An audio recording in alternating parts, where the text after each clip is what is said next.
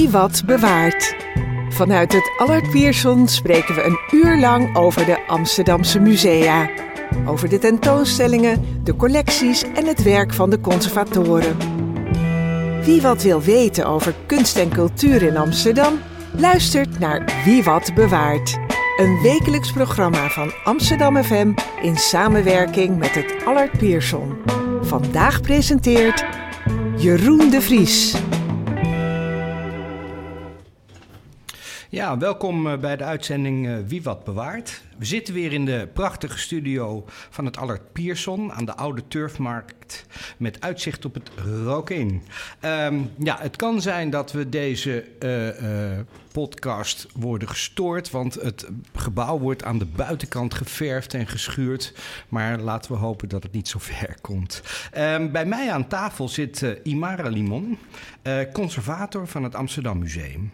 We gaan het hebben over de tentoonstelling Koloniale Verhalen, in Progress, die mo momenteel te zien is in de, tijdelijk, in de tijdelijke onderkomen van het museum in het gebouw van de Hermitage. Welkom, Imara. Dankjewel. Um, wie is Imara Limon? En uh, ja, wat, is, wat is deze tentoonstelling die jullie gemaakt hebben? Ja, zoals je al uh, noemde, ben ik uh, conservator bij het Amsterdam Museum. Ik hou me vooral bezig met uh, hedendaagse kunst als kunsthistoricus. Um, maar juist ook met die kunst die heel erg betrokken is met maatschappelijke vraagstukken en kwesties. dus daar gaat deze tentoonstelling ook over. het Amsterdam Museum is een stadsmuseum hier in Amsterdam. Wat, ja, en, en dat betekent dat je verhalen ook vertelt van de stad. Um, over de afgelopen eeuwen en ook over het nu en over de stad van de toekomst. Um, en we vragen ons al, al best wel lang af van hoe doe je dat nou op de beste manier? Dat is natuurlijk constant in verandering. En de afgelopen jaren zijn we ook steeds meer bezig geweest met hoe vertel je die verhalen op een inclusievere manier voor alle groepen die nu ook in Amsterdam wonen, uh, maar wiens erfgoed en verhalen nog niet goed vertegenwoordigd zijn in het museum. Um, en met de tentoonstellingen die we maken ook inderdaad in het gebouw in Hermitage. Dat is nu tijdelijk. Onze hoofdlocatie zit eigenlijk aan de Kalverstraat in het Oude Burgerweeshuis. Um, en we zien deze jaren tot aan die grote heropening straks weer rond 2025... Um, ook als een experiment. Een moment om echt te kijken van hoe kun je nou met die vaste collecties... maar ook met tijdelijke tentoonstellingen, met publieksprogramma's... Uh, en op andere manieren ja, onderzoeken hoe je verhalen op een inclusieve manier vertelt. Dus we hebben een vaste uh, presentatie eigenlijk met um, uh, ja, allemaal fantastische collectiestukken uit het Amsterdam Museum. Um, maar we hebben ook de tijdelijke tentoonstelling en één daarvan is Koloniale Verhalen Work in Progress. En wat is dat? Wat is dat voor een tentoonstelling? Wat doen jullie daar? Ja, in die tentoonstelling willen we eigenlijk laten zien hoe we um, door te kijken naar collectie, maar ook door met mensen in de stad te spreken. Um, uh, en door te kijken ook naar de eigen geschiedenis van het museum, tentoonstelling die we eerder hebben gemaakt, hoe je dat nou kunt doen, die andere verhalen vertellen. Want dat doen we meestal achter de schermen. En dat is voor ons heel interessant. Maar misschien is het ook wel interessant voor, uh, voor publiek, voor mensen, voor uh, collega's van andere musea, om dat te zien hoe je dat bijvoorbeeld kunt aanpakken. dus eigenlijk een kijkje achter de schermen, maar ook wel om dat gesprek daarover te openen met mensen. Dat je dat niet ook met elkaar achter de schermen doet, maar echt ook als, ja, als, als wat meer transparanter uh, aanpak om dat ook samen te doen. Want hoe, hoe, doen jullie dat in deze tentoonstelling? Hoe ziet die eruit bijvoorbeeld? Ja, de tentoonstelling um, is een reeks zalen achter elkaar in, uh, in, uh, dus in het gebouw. Um, en we beginnen die tentoonstelling. Uh, nou, we beginnen met een introductietekst en in, in een video er iets over vertellen. Um, ik heb hem samengemaakt met twee co-curatoren, met Maria Lamslag en met Ines van der Scheer. Um, en we zijn alle drie uh, ja, jonge vrouwen die ook een achtergrond hebben um, in voormalige kolonie van Amsterdam, van Nederland. En juist ook daarom uh, vertellen we dat vanuit een ander perspectief dan het museum, het instituut, wat eigenlijk ook een wit instituut is van oudsher. Uh, dat zou doen. Maar we hebben dat ook weer samen gedaan met heel veel andere collega's van het museum. Dus voor ons was het ook een, ja, een onderzoek aan zich. En hoe ziet het eruit? Um, als je binnenloopt, dan zie je eigenlijk als eerste een ruimte um, met foto's, bijvoorbeeld van de Black Lives Matter-beweging en de demonstraties die afgelopen uh, jaren, in 2020 vooral, uh, in Amerika begonnen, maar juist ook in Nederland te zien was. Uh, en we willen daarmee aangeven deze demonstraties en de gesprekken daarover in verschillende instituten, van de UVA tot aan uh, ja, bij musea, zoals Amsterdam Museum, maar ook een uh, tropenmuseum.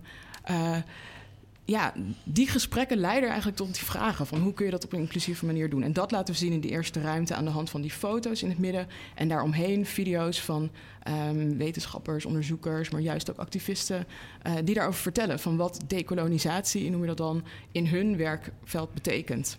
Dus niet alleen musea, maar we laten ook zien, ja, dat gebeurt op allerlei terreinen in de samenleving. En hoe kijken zij ernaar? Wat zijn ze daarmee uh, van plan en, welke kansen zien zij om daar andere verhalen mee te vertellen.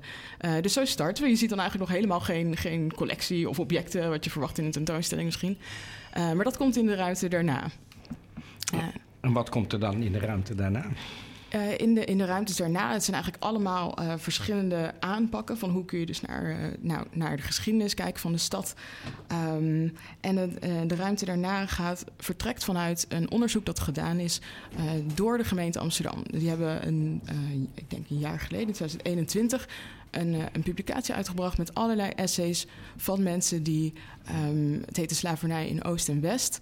Um, die hebben onderzocht welke rol de slavernij speelde in Amsterdam en dan slavernij van over de hele wereld waar Amsterdam een rol in heeft gehad. En ja, in dat onderzoek, uh, daar waren we ook bij betrokken. En wij zagen, ja, er zijn ontzettend veel collectiestukken... van portretten tot stadsgezichten... Uh, tot aan klein porselein en glaswerk, kaarten... Uh, die wij ook allemaal in de collectie hebben. En die deze verhalen dus um, ja, illustreren... maar ook um, bieden tot verder onderzoek. En een verhaal dat je vaak in musea hoort is... ja, we hebben uh, toch niet zoveel uit het uh, slavernijverleden en uit die geschiedenis. Dus we kunnen die verhalen zo moeilijk vertellen. En wij dachten, maar dat is... We wisten altijd al, nou, dat is natuurlijk helemaal niet waar... want je kunt ook een verhaal vertellen eh, met geluid of op andere manieren. Maar dat die objecten dus daadwerkelijk wel zijn. Een plantageschilderij, bijvoorbeeld Plantage Waterland. Daarop zie je een... Um, uh, een plantage, een suikerplantage. Met, um, in klein, Suriname? In Suriname, inderdaad. Op plantage Waterland. Met een heel klein bootje met een Nederlandse vlag... waar ook wat mensen in zitten. Uh, en het ziet er eigenlijk heel vredig uit. Een mooie lucht, uh, veel groen.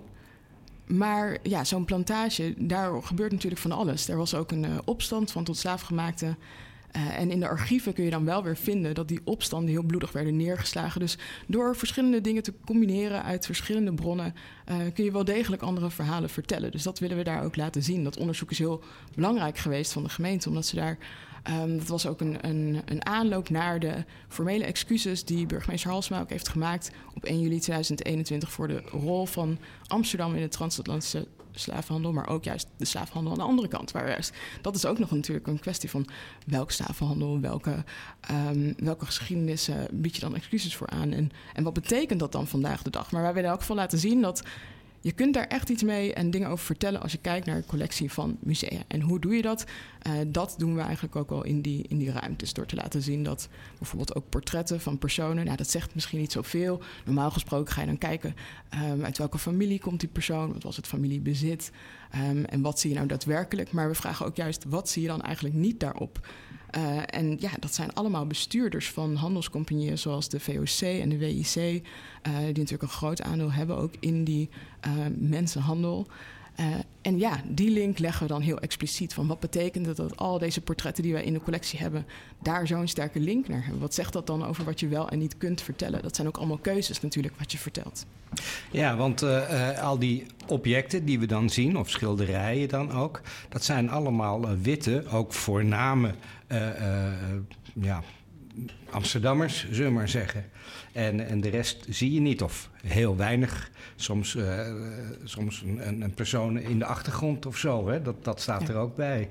Maar uh, verder niet. En dat doet echt iets. Als je iets niet uh, ziet, dan lijkt het soms alsof het niet bestaat. Ja. We hadden ook een, een, hele mooie tentoonstelling van allerlei groepsportretten uit de 17e en 18e eeuw, die je ook kon zien in die ruimtes waar we dus nu al die tentoonstellingen maken. Uh, en als je daar binnenliep, dan, ja, dan kreeg ik altijd ook het gevoel alsof dat, dat, dat was het. Dat was die 17e en 18e eeuw in Amsterdam. En dat waren allemaal groepsportretten uh, van witte mensen die samen uh, er heel ja, mooi, machtig, sterk uitzagen en zichzelf hadden laten portretteren. En je denkt dan helemaal niet na over dat er ook wel mensen met andere huidskleuren in de stad leefden. Dus een van de andere objecten in die tentoonstelling is bijvoorbeeld ook een foto uh, en dat was een kunstproject, een artistiek project van um, Jurgen Tjonnevong, een urban myth. die allerlei mensen heeft laten fotograferen van nu, die als het ware in de huid kruipen van deze mensen van kleur in de 17e en 18e eeuw. En dat um, hebben we toen tussen die grote groepsportretten tentoongesteld om ook te laten zien, ja, er zijn gewoon allerlei mensen en meer verhalen die we eigenlijk niet goed konden representeren. Je kan het er wel bij zetten in een tekstje, wat natuurlijk ook wel gedaan werd, maar niet echt visueel. En wat is daarvan de impact dat je dat nu wel doet? Wat zegt dat dan? Hoe kom je anders binnen in zo'n ruimte? Dus een van die foto's is nu ook te zien in koloniale verhalen om ook aan te geven kunstopdrachten zijn ook manieren om uh, andere verhalen te vertellen. Verbeeldingen van nu over die tijd in het verleden. Wat zijn die koloniale verhalen wat, uh, binnen de tentoonstelling? Hoe moet ik me dat voorstellen? Koloniale verhalen, dat is wel, het is wel mooi omdat het twee dingen kan betekenen. Het, het kan zijn koloniale verhalen die heel op een koloniale manier verteld worden. Maar het kunnen ook gewoon verhalen zijn over de koloniale tijd die je op een andere manier vertelt. Dus daar hebben we work in progress aan toegevoegd. Omdat we echt denken, uh, dit is ons work in progress. En we zijn nog niet ja, waar dan ook je wil uitkomen. Maar het is iets wat constant verandert, waar je constant in wil... Um, um, nou, ik wou zeggen verbeteren. Maar.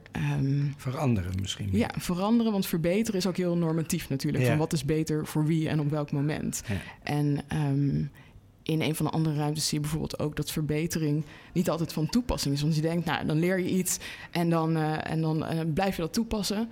Maar um, een museum, een instituut, een stad kent telkens ook andere mensen. En de maatschappij verandert ook gedurende de jaren. Dus in een van de andere ruimtes laten we verschillende tentoonstellingen zien uit de geschiedenis van het museum. Echt van uh, de jaren 60 tot aan, uh, tot aan nu eigenlijk. Uh, het zijn er verschillende. En daarin, nou bijvoorbeeld een van de eerste is um, Arm in de Gouden Eeuw. En dat gaat over, over armoede en hoe je dat ziet in de collectie. bijvoorbeeld ooit een heel grappig een wassen beeld van een bedelaar. Dat, dat bestaat nu niet meer. Uh, maar die tentoonstelling was heel op een, uh, ja, op een haast socialistische manier heel erg kritisch over uh, hoe rijkdom en macht verdeeld was in de stad. En er werd ook wel genoemd dat er ook wel een koloniaal verleden was, waar het ook wel ongelijk verdeeld was. Maar verder werd er niet zoveel veel aandacht aan besteed. Maar verder wel een hele kritische tentoonstelling over die Gouden Eeuwperiode. Um, ja, want um, in uh, 2013 was het uh, 150 jaar geleden dat de slavernij in Suriname en de Antillen werd uh, afgeschaft. Daar was toen een tentoonstelling van, de Gouden Eeuw, proeftuin van onze wereld. En um, daar was een kritische conservator, had je het daar misschien over, die, die eigenlijk een interventie maakte en een, een spoor, een slavernijspoor door die tentoonstelling heen we weefde, denk ik. Ja, dat is, een, dat is, een, heel mooi verhaal. Want dan, eh, nou ja, van de jaren 60 tot aan 2013. Um, ehm, in 2013 was inderdaad een, eh, een, hele grote tentoonstelling. Onderdeel van een reeks tentoonstellingen. En het heette inderdaad de Gouden Eeuw, Proeftuin van onze wereld. En um, nou, daarin was van alles te zien over de Gouden Eeuw. Um, zonder die term verder te bevragen.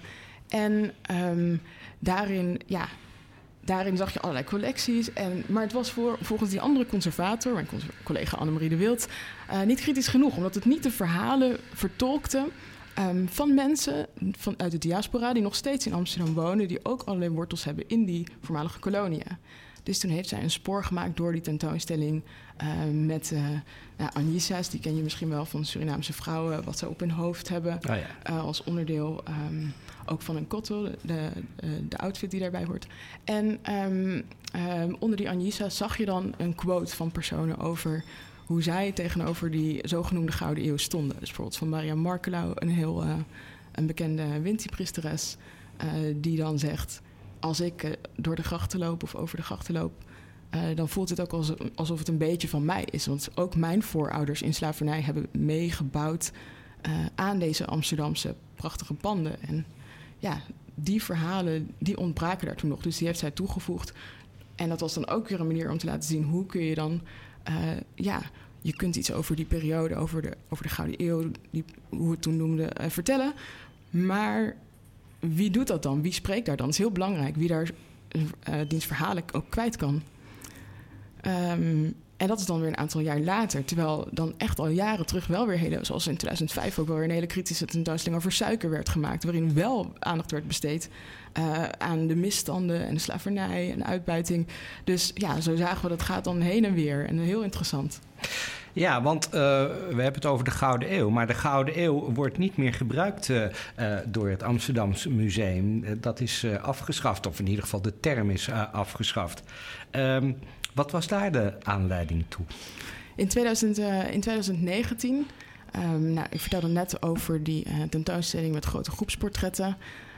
en dat de eerste... Um, ja, toen waren we bezig met hoe kun je deze groepsportretten op een andere manier laten zien. Niet meer aan zich, maar ook zichtbaar proberen te maken wat er nog meer bestond in die tijd. Om die verhalen aan te vullen, maar ook te bekritiseren. Dus we vroegen altijd kunstenaars om daar um, interventies in te plegen en, en, tentoonstellingen daarbinnen te maken.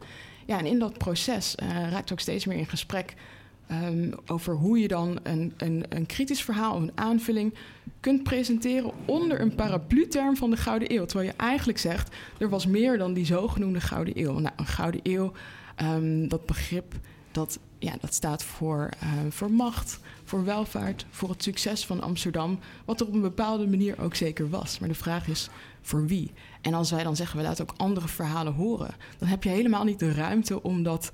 Uh, ja, om dat te doen onder zo'n zo'n dwingende term. Dus toen hebben we gezegd, die Gouden Eeuw, uh, wij zeggen gewoon de 17e eeuw, want het was gewoon de 17e eeuw. En de Gouden Eeuw, uh, nou, we hebben hem niet geschrapt, want hij bestaat nog steeds. Het is nog steeds gewoon een feit dat, dat de Gouden Eeuw werd genoemd. Alleen gebruiken wij die term niet meer klakkeloos als feit. We bevragen dat gewoon heel erg. Dus elke keer als we het over die periode hebben, zeggen we gewoon de 17e en 18e eeuw. Dus het is ook niet heel, heel ingewikkeld. Maar omdat we toen die titel van uh, die tentoonstelling hebben veranderd naar van uh, groepsportret, nee, van um, um, Portrait Gallery of the Golden Age in het Engels. Um, en in het Nederlands hebben we het nu gewoon ja, groepsportretten van de 17e eeuw genoemd. En uh, inderdaad, dat, dat riep ja, veel, veel op in de samenleving. Ja. Omdat het toch, denk ik, heel gevoelig is om ja, aan traditionele termen, ideeën, om daar aan te zitten. Dat geeft een heel onveilig gevoel. Ja. dat, er dan, dat er dan ook niks meer mag worden natuurlijk. En, Terwijl eigenlijk proberen we alleen ruimte te maken voor ook andere verhalen. Om toe te geven dat er veel meer is. En dat uh, dat lange tijd ook ontkend is en nog steeds ontkend wordt, dat dat er ook allemaal is. Ja.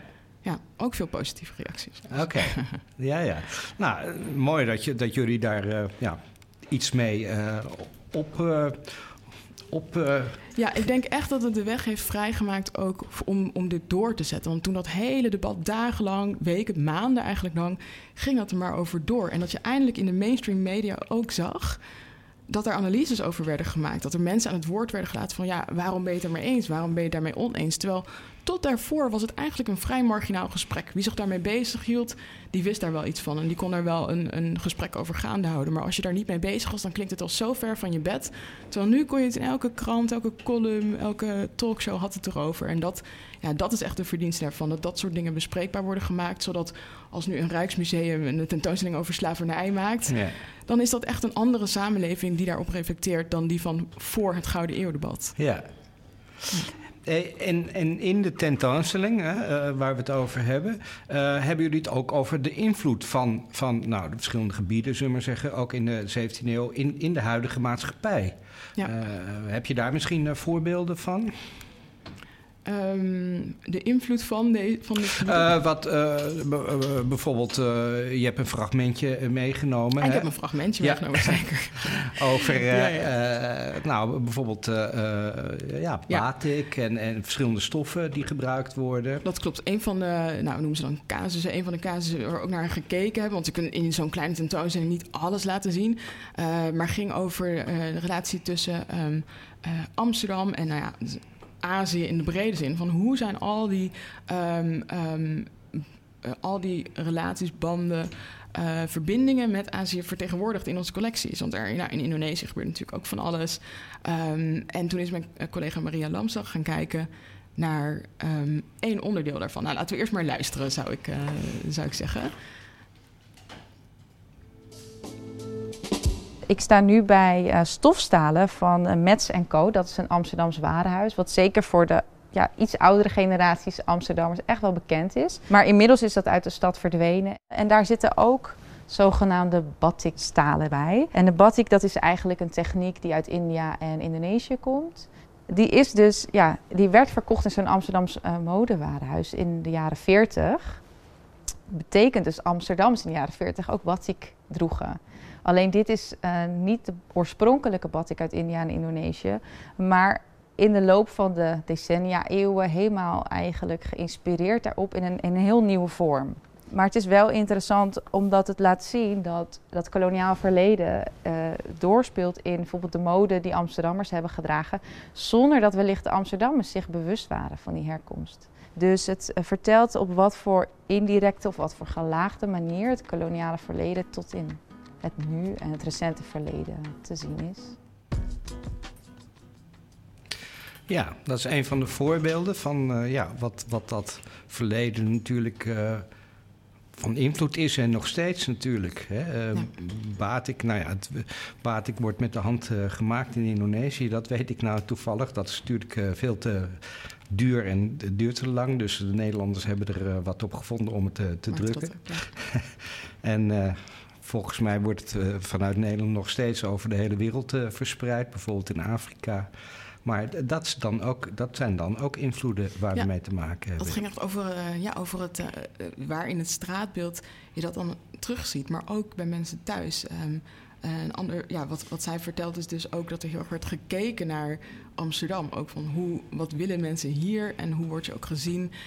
Um, en wat zijn ook de subtiele um, gedachten daarachter. Want laten zien dat je iets kon dragen, laten zien dat je spullen hebt uit uh, Azië, dat, dat gaf ook status aan. Dat je dus van de hele wereld iets kunt verzamelen of van de hele wereld iets hebt. Uh, het werd wel als van, uh, op waarde geschat. maar dat gold misschien weer niet voor als je er vandaan kwam. Dan werd je misschien niet op waarde geschat als je dat had. en we laten ook in die ruimtes ook zien hoe mensen dan ook van vloerkleden tot aan meubilair, tot aan porselein uh, van alles uit Azië ook hadden in het straatbeeld. En dat hebben wij dan weer in de collectie. Dus in die zin kunnen we daar zeker wel iets over zeggen. Het laat niet uh, met koloniale geweld en zo zien, maar het geeft wel allerlei subtiele verbanden aan die er zeker wel zijn. En die je ook pas ziet als je daar met die blik naar gaat zoeken. Want zij zegt, uh, nou, dit is een fragment van een, van een filmpje. En zij staat dan in dat depot van ons. En als je kijkt in de collectiedatabase online, dan kun je eigenlijk niet zoveel vinden over koloniaal verleden. Er zijn best wel wat dingen. We hebben 100.000 objecten. Dus als ik zeg niet veel, dan is het alsnog best wel veel. Maar um, door echt naar dat depot te gaan en gewoon laadjes open te trekken en te zien. Nou, dit ziet er wel enigszins Aziatisch uit, maar het is dan niet in de database um, opgeslagen als kolonialisme of zo. Dat staat er niet bij. Dat was niet een hashtag of een, een, categorie die gebruikt werd. En daarom staan we ook stil bij hoe kijken we naar die collectie. Want ja, niemand heeft 100.000 objecten um, in het hoofd. Dus hoe kunnen we ook dingen zo opslaan en bewaren dat ze ook wel gekoppeld worden aan koloniale verhalen. Dus dat we ze ook gaan zien door ze misschien wel zo te benoemen in de database. Um, en specifiek over Azië heeft ze ook gekeken naar wat ontbreekt er dan. Bijvoorbeeld de periode um, na de onafhankelijkheidsoorlog, uh, het is 45, um, en de jaren daarna. En, en daar is eigenlijk niets over verzameld. Of, en, en kun je afvragen waarom niet? Was dat dan niet belangrijk? Uh, was er niks beschikbaar? Um, dus we hebben wel in het stadsarchief een aantal foto's toch nog gevonden, maar um, en geleend voor de tentoonstelling. Maar het geeft wel aan dat er, dat er gewoon grote gaten zijn. En de vraag is ook, wat doe je daar dan mee? En wij denken dat de eerste stap daarin is het um, het weten dat het, dat het er niet is, maar ook het benoemen daarvan en het openlijk een vraag stellen van wat doen we daar dan, dan verder mee. Maar we moeten ook niet te snel gaan daarin. Ik denk dat het hele besef dat er grote dingen ontbreken en dat alles wat in een museum is en de verhalen die ermee verteld worden, dat het eigenlijk heel gekleurd is. En dat is al zo'n, ja, je zag het ook met de Gouden Eeuw, dat is al een hele grote, grote schok voor mensen soms, dat er niet één geschiedenis of één waarheid in die zin is, maar dat het allemaal geconstrueerde verhalen zijn en dat willen we daarmee ook laten zien hoe je die verhalen construeert en uh, waar, je die dan, waar je die dan wel kunt vinden.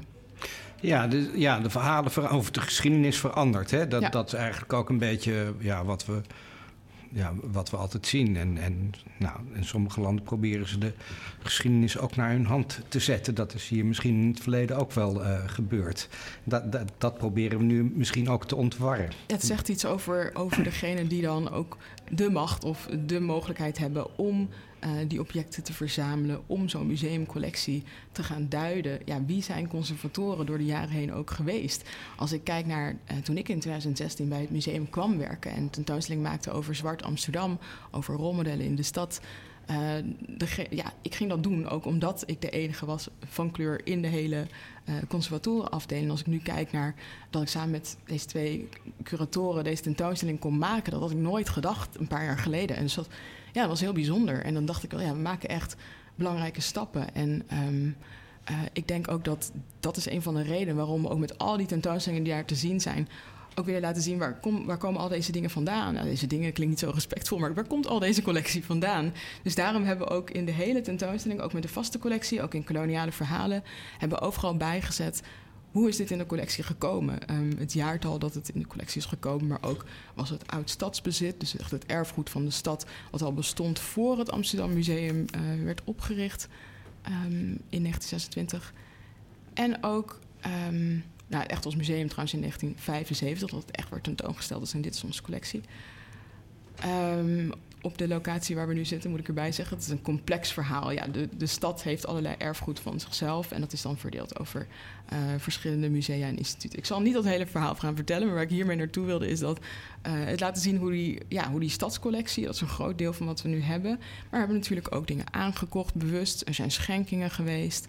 Um, en dat verschilt heel erg. En als je dan door die tentoonstellingen heen loopt met die blik van sinds wanneer is het er en is het dan gekocht of is het geschonken, uh, dan zul je zien dat heel veel dingen zijn gewoon oud stadsbezit. Dus die zijn gewoon al in die collecties en voor het museum bestond.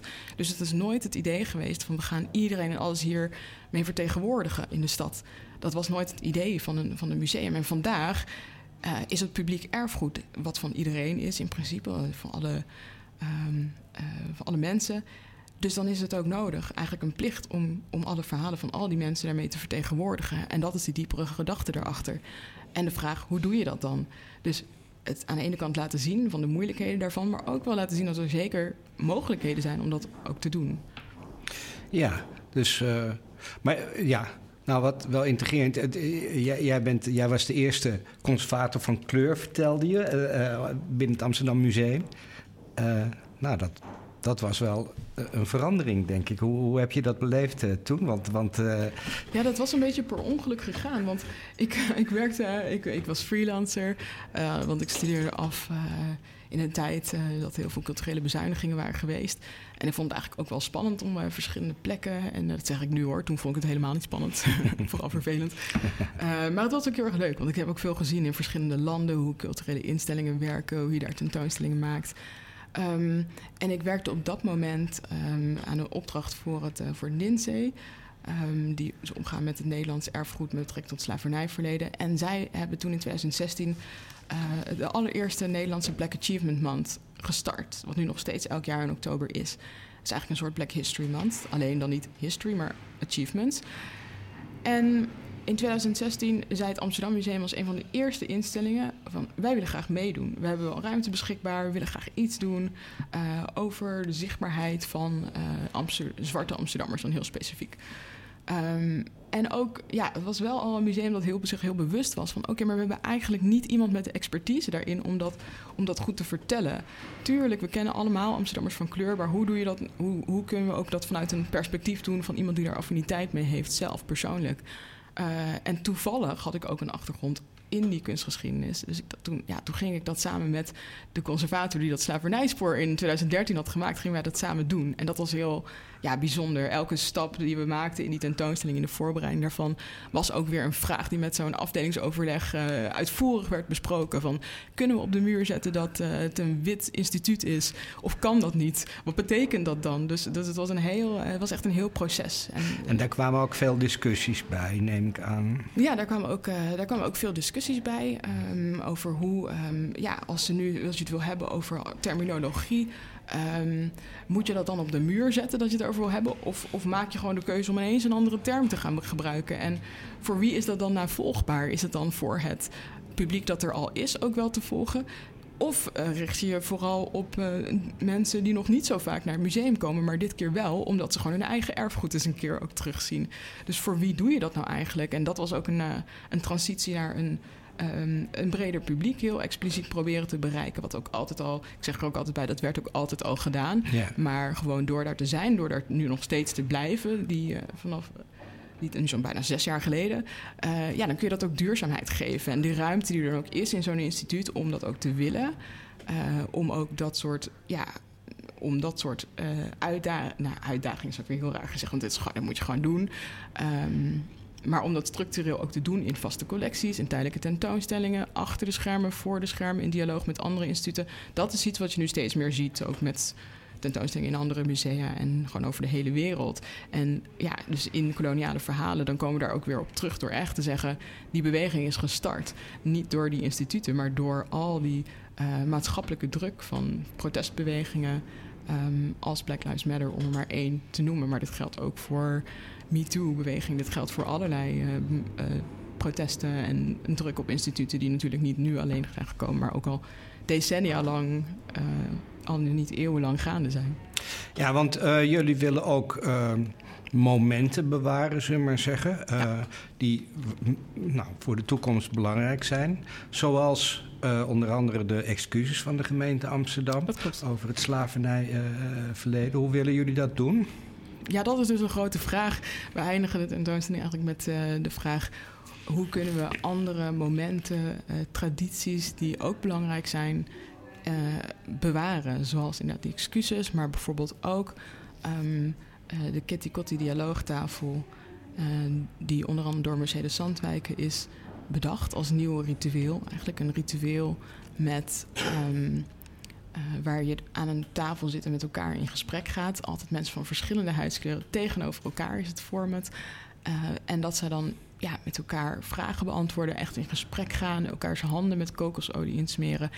en um, een hele mooie gedekte tafel trouwens ook met bijzondere stoffen en met um, rituelen zoals dat je op um, uh, quasibita, een, een, stukje hout, koud, zuiverend werkt uh, en kokosolie om symbolisch elkaars polsen te masseren om ook de pijn van het slavernijverleden en de ketenen uh, te doorbreken. Want de Kitty Kotti tafel staat dus ook voor Kitty Kotti, het doorbreken van de, van de ketenen. En dat is een, um, uh, een, zowel een herdenking als een viering op 1 juli, waarbij het slavernijverleden um, en de afschaffing daarvan wordt herdacht en gevierd. En dat is een, uh, ja, die tafel. Uh, die tafels, dat zijn soms hele lange tafels, soms kleinere tafels met gesprekken, zodat mensen naar, naar elkaar kunnen komen in de samenleving. En dat is echt uitgegroeid tot, uh, een fenomeen. Elk uh, jaar, de hele Kitty maand, dus de hele maand juni tot aan 1 juli, worden er tafels georganiseerd in Amsterdam, maar ook um, buiten de stad in andere plekken. En dat gaat van, ja, dat zijn persoonlijke tafels met, met kennissenkringen, maar juist ook bij die instituten die dat zo nodig hebben om echt op een persoonlijk niveau met elkaar te praten. Zo, we hebben het bij het Amsterdam Museum ook vaker gedaan, zoals vorig jaar in de, uh, rond de Gouden Koets. Dat is ook nog weer een ander verhaal, maar rond die koets zijn, zijn er uh, tafels georganiseerd. En ja, dat vinden we zo'n belangrijk een manier om met elkaar die verbinding aan te gaan. En dat ook te doen aan de hand van rituelen vanuit zowel um, Afrikaanse diaspora als Joodse tradities. Zo'n mooi ritueel dat we dat ook dat willen we ook bewaren voor, voor de stad en voor de collectie van de stad. Want dit zal sinds 2000 nou ja, al, al vele jaren gaande. En dat, ja, dat, moet, ook, ja, dat is een, ook een initiatief van iemand die dat zelf, niet een gemeentelijk initiatief of zo. Dat is ook hoe Amsterdammers bijdragen aan de stad. Dus dat is ook heel bijzonder. Ja, dus het gaat om het bewaren van het ritueel. Ja, hoe doe je dat? Dat weten we nog niet. Nee. Bewaar je dan de tafel ja. of um, de gesprekken, de foto's daarvan, de video's. Dus dat is eigenlijk iets wat we, waar we nu over aan het nadenken okay. zijn. Ja, is leuk. Want Anne, je had het net al even, de Gouden Koers. Die is ook, uh, dat was een vorige tentoonstelling. Ja. Uh, eigenlijk ook een ritueel natuurlijk, een Nederlands ritueel. Ja. En wat ook weer aan discussie onderhevig is van wat staat er nou precies op. Ja, dat is echt dat was een, een ceremonie, een formeel ritueel. Ja. Inderdaad op nationaal niveau. Uh, de Gouden Koets, dat ook to, uh, geworden is tot beladen erfgoed. Um, waarbij het vooral gaat om een van de zijpanelen. Gouden Koets is, uh, nou, hij stond op de binnenplaats bij ons, werd over het dak van uh, het burgerweeshuis nog op de oude locatie heen getild. En toen ik ernaast stond, toen schrok ik echt van hoe groot hij was. Ik was ongeveer zo groot als één achterwiel van die Gouden Koets. Dus ja, nee, maar een, uh, een prachtig, indrukwekkend, imponerend object. Helemaal vol goud, helemaal gerestaureerd. Ehm, en met allerlei verwijzingen naar Amsterdam en de stad. Omdat ik ooit was geschonken aan uh, Wilhelmina in 1898. eh, eh, maar één zijpaneel heeft een schildering ehm, met mensen uit allerlei koloniën die dan offers brengen aan de personificatie van Nederland. Een witte vrouw op een, eh, op een stoel. En eh, ja, je moet je wel voorstellen, zo'n ceremonie, een Prinsjesdag, dat dan eh, die koets dan rijdt en dat dat paneel er zo stil aan de zijkant hangt. En mensen staan bij zo'n ceremonie aan de kant, klappen, juichen. En ja, eigenlijk is dat paneel als een soort stille getuige van een hele pijnlijke geschiedenis. Die, het is niet het paneel zelf, maar het is de geschiedenis en de ontkenning daarvan. eh, wat het zo pijnlijk maakt. Dat je dan al helemaal iets aan het vieren bent. En eigenlijk niet stilstaat bij welk pijnpunt er nou zo is in de samenleving. Die ongelijkwaardigheid. eh, en natuurlijk niet dat object zelf, maar wel het object dat dat symboliseert. Dus de hele vraag van, die, van de Gouden Koets tentoonstelling was... wat doen we nou toch met die Gouden Koets? Ja, En dat deden we door een heel parcours eromheen te maken. Eigenlijk kwam je eerst binnen in allerlei ruimtes die lieten zien wat de Gouden Koets was. Van de ambacht eromheen tot aan eh, ja, de jurken die erbij hoorden. De wereldtentoonstellingen waarbij ook mensen werden tentoongesteld op het museumplein... om te laten zien welke kolonie Nederland allemaal had en wat er dan precies gebeurde. En, ehm, dus alles wat met die Gouden Koets te maken heeft werd tentoongesteld. En uiteindelijk kwam je dan binnen op de binnenplaats waar je die gouden koets dan ook zelf zag. Om eigenlijk zelf ook te bedenken, nou, wat vind ik hier nou van? Eh, en ja nou, met, waren met alle symbolen uitgelegd, hè? dat is Ja, ook wel belangrijk. al die symboliek, wat Ja. betekent het? Ehm, en ook wat was de rol van Amsterdammers daarin? Het was Ja. een soort eerste crowdfunding dat Amsterdammers ja, allemaal hadden ja. bijgedragen. Dus ja, om ook dat erfgoed, ja, om te laten zien hoeveel verhalen daaraan vastzitten. Hoeveel kritische verhalen, maar ook mooie verhalen. Ehm, en we waren nog niet klaar met de tentoonstelling. Of er werd al inderdaad gezegd dat die Gouden Koets niet meer direct de straat op zou gaan eh, in die Oh. ceremonie. Ja, jullie Ehm. deden eerst die tentoonstelling en daarna kwam pas eh, die discussie. Nou, we hadden helemaal bedacht dat daar dan een, een eh, gesprek ook over zou komen. Maar Ja. impact gaat soms sneller dan je denkt. We dachten, nou, gaan laten mensen even over nadenken. We hadden ook een heel publieksonderzoek daarbij eh, georganiseerd. Dat je, ehm, we stonden dan met een, een soort installatie, een mobiele installatie... op, eh, nou, in alle grote steden in Nederland... eh, en ook wel kleinere plekken op een groot plein gestaan. En aan mensen gevraagd: wat vind je van de Gouden Koets? Of wat moet ermee gebeuren? Welke gedachten heb je erover? Dus dat is een heel archief aan zich wat erin rond is ontstaan in een onderzoek. Ehm, en dat is ook wel heel mooi. Dat, dat, dat, het is natuurlijk niet dat het museum dat bepaalt of bedenkt, maar dat je juist iedereen erover laat meepraten. Dat hadden we ook wel geleerd van de Gouden Eeuw. Dat het ook een nationale discussie is en moet zijn. Dus dit Ja. soort discussies aankaarten en dat doen door dat erfgoed dat er is. Dat is ook een van de grote missies van het museum. Die verantwoordelijkheid zien we wel. Ja, dat eh, hoor ik ook aan de tentoonstellingen die jullie eh, Ja. doen. En Even terug naar de, de tentoonstelling waar we het over hebben. Ehm eh, de het gaat ook over. want jullie zijn ook geïnspireerd, of dat wordt getoond, het boek over de sla- slavernij in Oost en West. Want. eh, want. Sorry. Want. ehm, eh, we hebben het over het oosten, hè, dat, vooral Indonesië en omgeving. En over west, dat is nou, wat er over is, eh, Suriname, de Antillen misschien. Kan je daar wat over vertellen? Nou, het boek, dat, ehm, eh, ik denk dat het hem vooral zit in ehm, al het erfgoed dat er, in dat er in dat boek ook bij betrokken werd. Dat wij dus ook allemaal hebben in de stadscollecties. Van, van tekeningen tot aan portretten. En echt te laten zien hoe dat allemaal bij elkaar komt. Eh, en dat er dus allemaal koloniale verhalen over te vertellen zijn. Ehm, en dat is iets wat. ehm, ja, dat, nieuwe verhalen vertellen over ouder erfgoed. Dat gebeurt natuurlijk constant. Maar we merken wel echt dat je daar enorm eh, bewust op moet inzetten. Dus wat ik heb zien eh, veranderen, denk ik, in de afgelopen tijden. En wat we ook willen laten zien die tentoonstelling. Is dat als je het als grootste prioriteit maakt, als eh, ehm, kernmissie om die. Om andere verhalen te vertellen, om een andere blik op de geschiedenis ook daar ruimte voor te bieden, dan kan dat ook wel. Ik denk dat toch dat, dat die grootste vraag van is dat dan wel mogelijk? Is dat dan wel eh, relevant om te doen? Geldt dat voor, voor alle instellingen? Geldt dat ook dan voor, een, eh, voor de academische wereld? Ehm, en het antwoord daarop is volgens ons, ja, dat, dat geldt voor iedereen alles. Vandaar ook in het begin van de tentoonstelling de video's ook bijvoorbeeld van Esther Peren, die uh, hoofd is van de Amsterdam School for Cultural Analysis, die het ook heeft over het curriculum, waar studenten dan zelf aangeven van kan ons curriculum, wat we lezen, wat we horen, waar we het over hebben, kan dat niet wat inclusiever? Kunnen daar niet ook uh, denkers van andere continenten dan Europa in uh, voorkomen? Dus dat, ja, dat het op zoveel fronten geldt, is denk ik wat, wat je ziet in dat wat wat je ziet in dat boek. En het boek is ook echt de aanleiding voor zo'n tentoonstelling daarover. Dat al die collectie, al die verhalen, al die verschillende um, disciplines ook daarin terugkomen. Want wat staat er in dat boek? Wat, wat is dat voor een boek? Waar gaat het dat over? Dat zijn um, een stuk of veertig essays met uh, van allemaal onderzoekers um, over eigenlijk Nederlands slavernijverleden, maar ook over bijvoorbeeld bewegingen van nu, zoals de Black Archives in Amsterdam Oost. Hoe zij bijdragen ook aan onderzoek naar zwarte geschiedenis in Amsterdam, heel specifiek ook Amsterdam. Um, en ook wat dat dan betekent voor, voor de toekomst. Dit door dit zo te bundelen bij elkaar te brengen. Het is echt zo'n dik boek van 4 centimeter. Nou, misschien overdrijf ik dat. Dus in mijn hoofd is het een heel dik boek. Eigenlijk valt het wel mee. maar het is gewoon zo rijk aan zoveel verhalen. Die, yeah. die, die academici, die kennen dat allemaal wel. Maar dit is best wel een toegankelijke publicatie. Um, uh, mijn moeder, die geen academicus is, die heeft dit ook op haar nachtkastje liggen. En die, die leest dan verhalen, vertelt mij over het, uh, het stadhuis. En dan denk ik, ja, dit... Hier zou je niet zo mee in aanraking komen um, als dit niet wat breder werd getrokken. Dus daarom, de musea zijn natuurlijk ook publieke instellingen en kennis kan er wel zijn. Maar dat, um, uh, wat je in zo'n boek vindt, is voor iedereen toegankelijk. En dit is kennis die iedereen zou moeten hebben om met elkaar gesprekken aan te gaan over, over de stad en uh, voor wie daar ook een plek in is. Um, ja, dus, uh, maar ook verhalen over heel specifiek documenten uit een archief en namen die eruit naar voren komen. Het is ook nieuw onderzoek um, naar bronnen die nog niet eerder zo bekeken zijn. Dus uh, ja, heel, uh, heel rijk aan nieuwe informatie voor een breder publiek. Dus het zijn essays over uh, bepaalde objecten of misschien ook gebouwen? ja, van alles. Objecten, gebouwen, um, landkaarten, families, archiefonderzoek.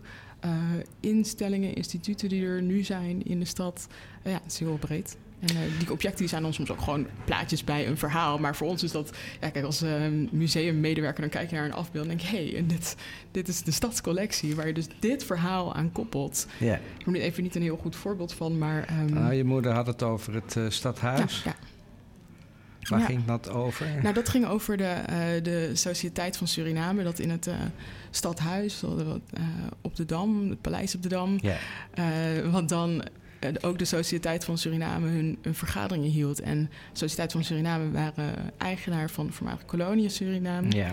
En um, ja, dat gewoon die verbeelding van dat daar mensen, bestuurders zaten die vergaderden over de plek waar mijn moeder uh, ook vandaan komt. Dat, is, dat, dat riep ook tot de verbeelding. Ja. En, ja, dat, uh, en, en het feit dat uh, die vergadering die bepaalde ook hoe het de kolonie voor, verging.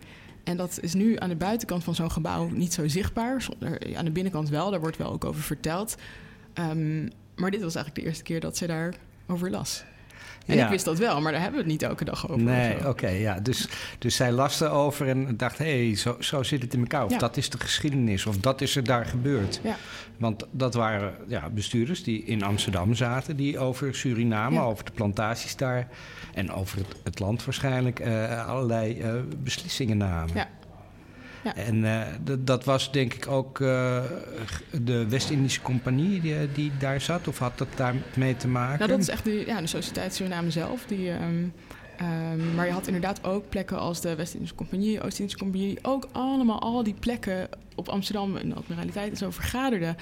En dat maakt het zo, net als, uh, nou, we hadden het hiervoor al eventjes uh, voor uh, deze podcast over, over stadswandelingen. En hoe je dan niet alleen maar als uh, dat niet alleen maar objecten en erfgoed hebt, wat uh, die geschiedenis van de stad vertellen, maar wat je in het boek ook echt ziet, is al die, al die gebouwen, die monumenten in de stad, waar je dat ook allemaal aan, uh, aan de buitenkant misschien niet ziet, misschien op een klein tekstbordje ergens, maar juist ook bij elkaar gebracht worden in zo'n boek van welke plekken hebben er nou mee te maken en hoe zagen die plekken er vroeger uit.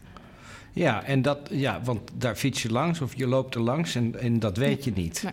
En als je dat leest, wel. Ja, en dan zie je ineens dat gewoon de hele stad is het koloniaal verleden natuurlijk. Want Ja. een groot deel van wat we nu zien was er toen ook al gewoon. Ja. Dat, uh, dat vind ik zelf altijd fascinerend. Als ik dan denk over de, over de toekomst, we het heel vaak natuurlijk over het verleden, van al die spullen uit het verleden. Maar als we het dan hebben over de toekomst, dan, dan, dan denk je al snel, oh, in de toekomst is alles echt enorm verschillend. We vliegen rond op allerlei jets. Iedereen heeft zijn eigen. dus ik denk dan dat het heel snel allemaal gebeurt. Terwijl eigenlijk, als je waarschijnlijk over 400 jaar, dan is hier nog steeds het rokin. Of niet als we onder water lopen, maar laten we daar niet... Ja, uh... nou, laten we daar maar niet over hebben. maar uh, ja, je hebt gelijk, want er staan, uh, sommige dingen bestaan al heel lang... en die zullen misschien nog wel heel lang blijven ja. bestaan. En die geschiedenis die ja, hier ook in dit museum, het Allard Pierson, ook, ook wordt verkondigd. Hè. Daar hebben we het hier over gehad, over kaarten die gemaakt worden en zo, werden, zo in het verleden. dat heeft grote invloed gehad op de hele stad. Ja. En ook op de rijkdom van sommige mensen inderdaad. En, en, en hoe, ja, hoe de geschiedenis inderdaad is, is geweest, maar ook is veranderd. En jij, jij, jullie, jullie zijn bezig om die, die verhalen, die veranderende verhalen, of die verhalen die eigenlijk niet verteld werden, om in beeld te brengen. Dat is natuurlijk heel erg mooi. Ja. ja. Um, in de tentoonstelling heb je nog andere uh, objecten die je, waar je iets over kan vertellen? Je had het bijvoorbeeld over het Cobra-masker. Is dat iets specifieks?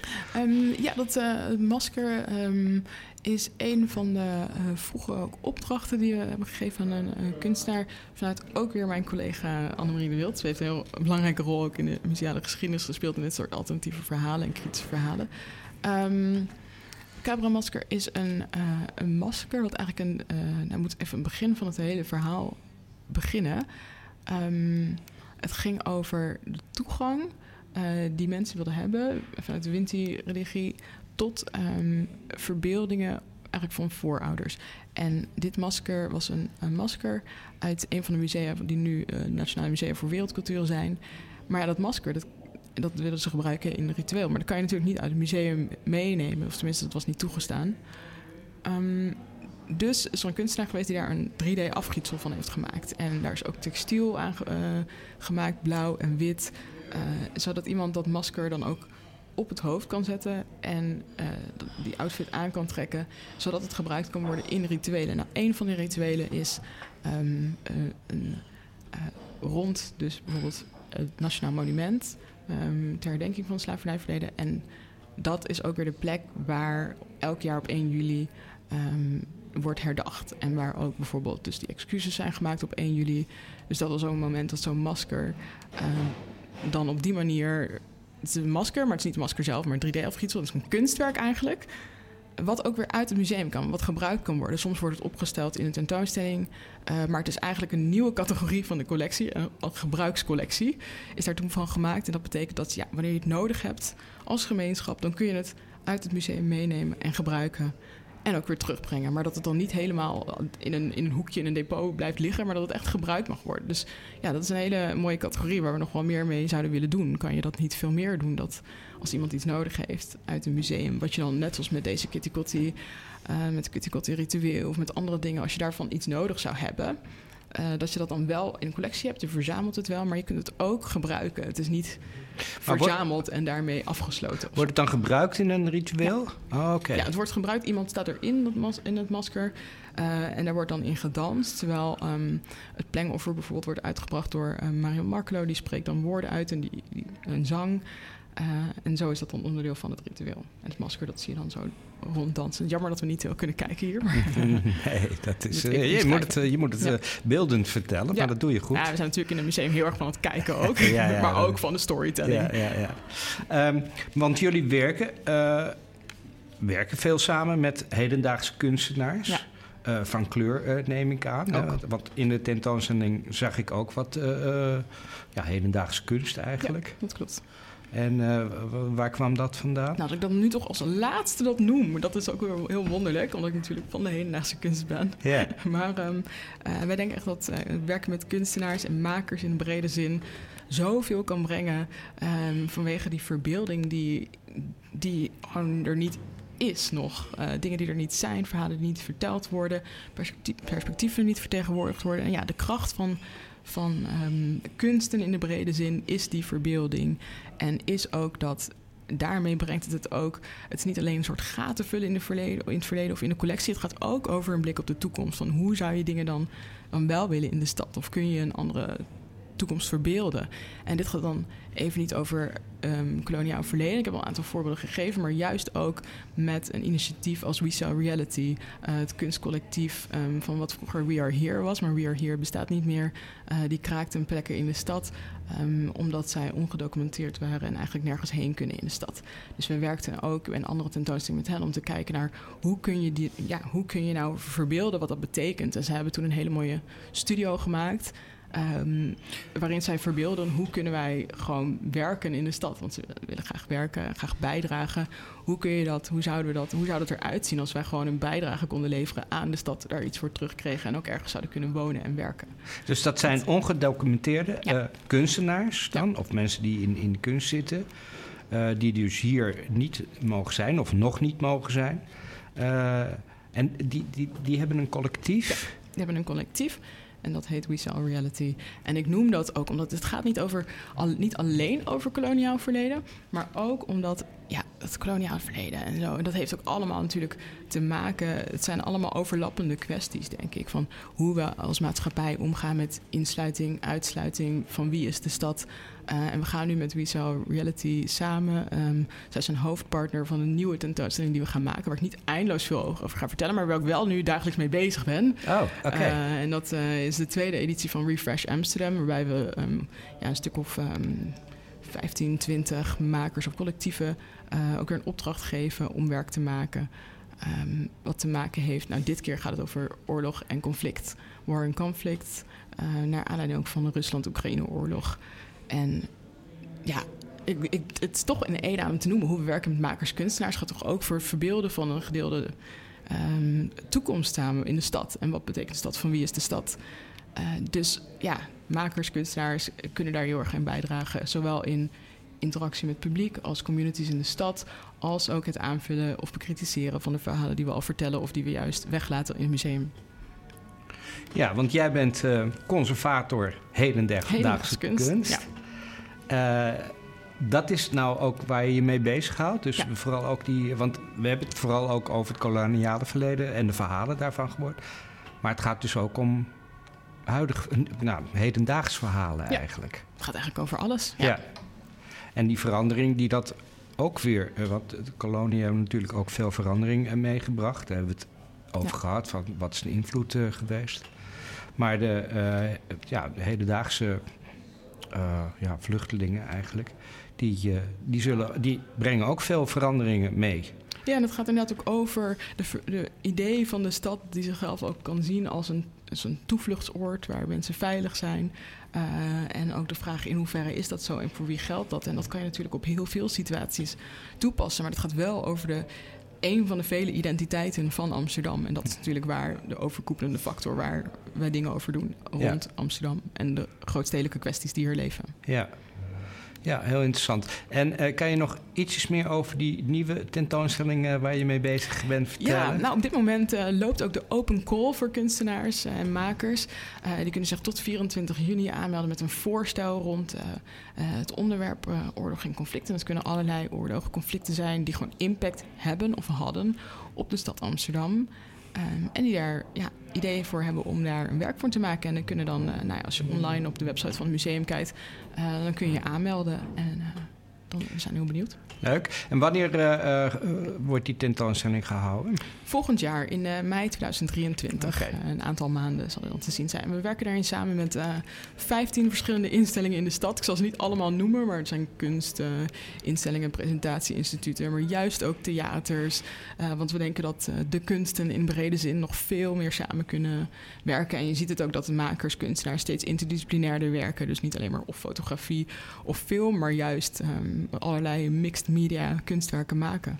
En ook daarmee willen experimenteren. Dus ook toneel of muziek? Ja, absoluut. Oké, okay, ja. ja. Oh, en met wie werken jullie dan ongeveer samen? Uh, nou, denk bijvoorbeeld aan uh, W139, een heel belangrijke um, door kunstenaars bestuurde kunstinstelling hier in de binnenstad. Um, maar ook uh, de Kleine Comedie, een theater hier ook om de hoek. Maar juist ook met uh, andere instellingen zoals Oskam in Amsterdam Zuidoost. Ehm, denk aan de Appel, uh, presentatieinstituut. Dus uh, heel veel. Nou, hartstikke mooi.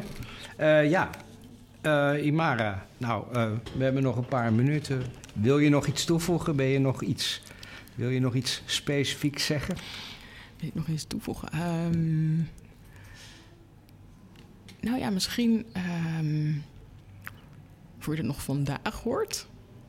Ja, toch? Wat zeg je? Voor wie het nog vandaag hoort. Ja, oké. Ja, ja, uh, nou, wat, uh, waar ik ook erg naar uitkijk is dat... Uh, nou, we zijn nog niet zo lang natuurlijk open aan de Amstel... maar we hebben morgen ook een open huis. de hele middag eigenlijk, waarbij de hele buurt... iedereen kan gewoon gratis naar binnen in het museum. En uh, ja, allerlei tours, workshops. En ik denk dat dat een van de mooie dingen is. Dat een museum ook steeds meer gaat voelen als een plek waar de hele buurt in en uit kan lopen. En uh, welkom is niet alleen maar om te kijken en om te luisteren, maar juist ook andere mensen te ontmoeten en echt deel te nemen aan, uh, aan activiteiten. Zodat je ook echt veel meer ja, echt, onderdeel voelt van de stad. En dat is, ja, het is leuk om te zien en leuk om ook. om, om daar ook met Amsterdammers over in gesprek te gaan. Dus daar kijk ik enorm naar uit. Oké, nou dankjewel. Uh, Imara Limon. Uh, het gaat over de tentoonstelling Koloniale Verhalen Work in Progress in het Amsterdam Museum, wat tegenwoordig tijdelijk in de Hermitage uh, te zien is. En morgen, dank je voor je oproep, is open dag en iedereen kan daarheen. Ja. Dus ik zou zeggen, veel plezier en dank je wel voor dit gesprek. Dank je.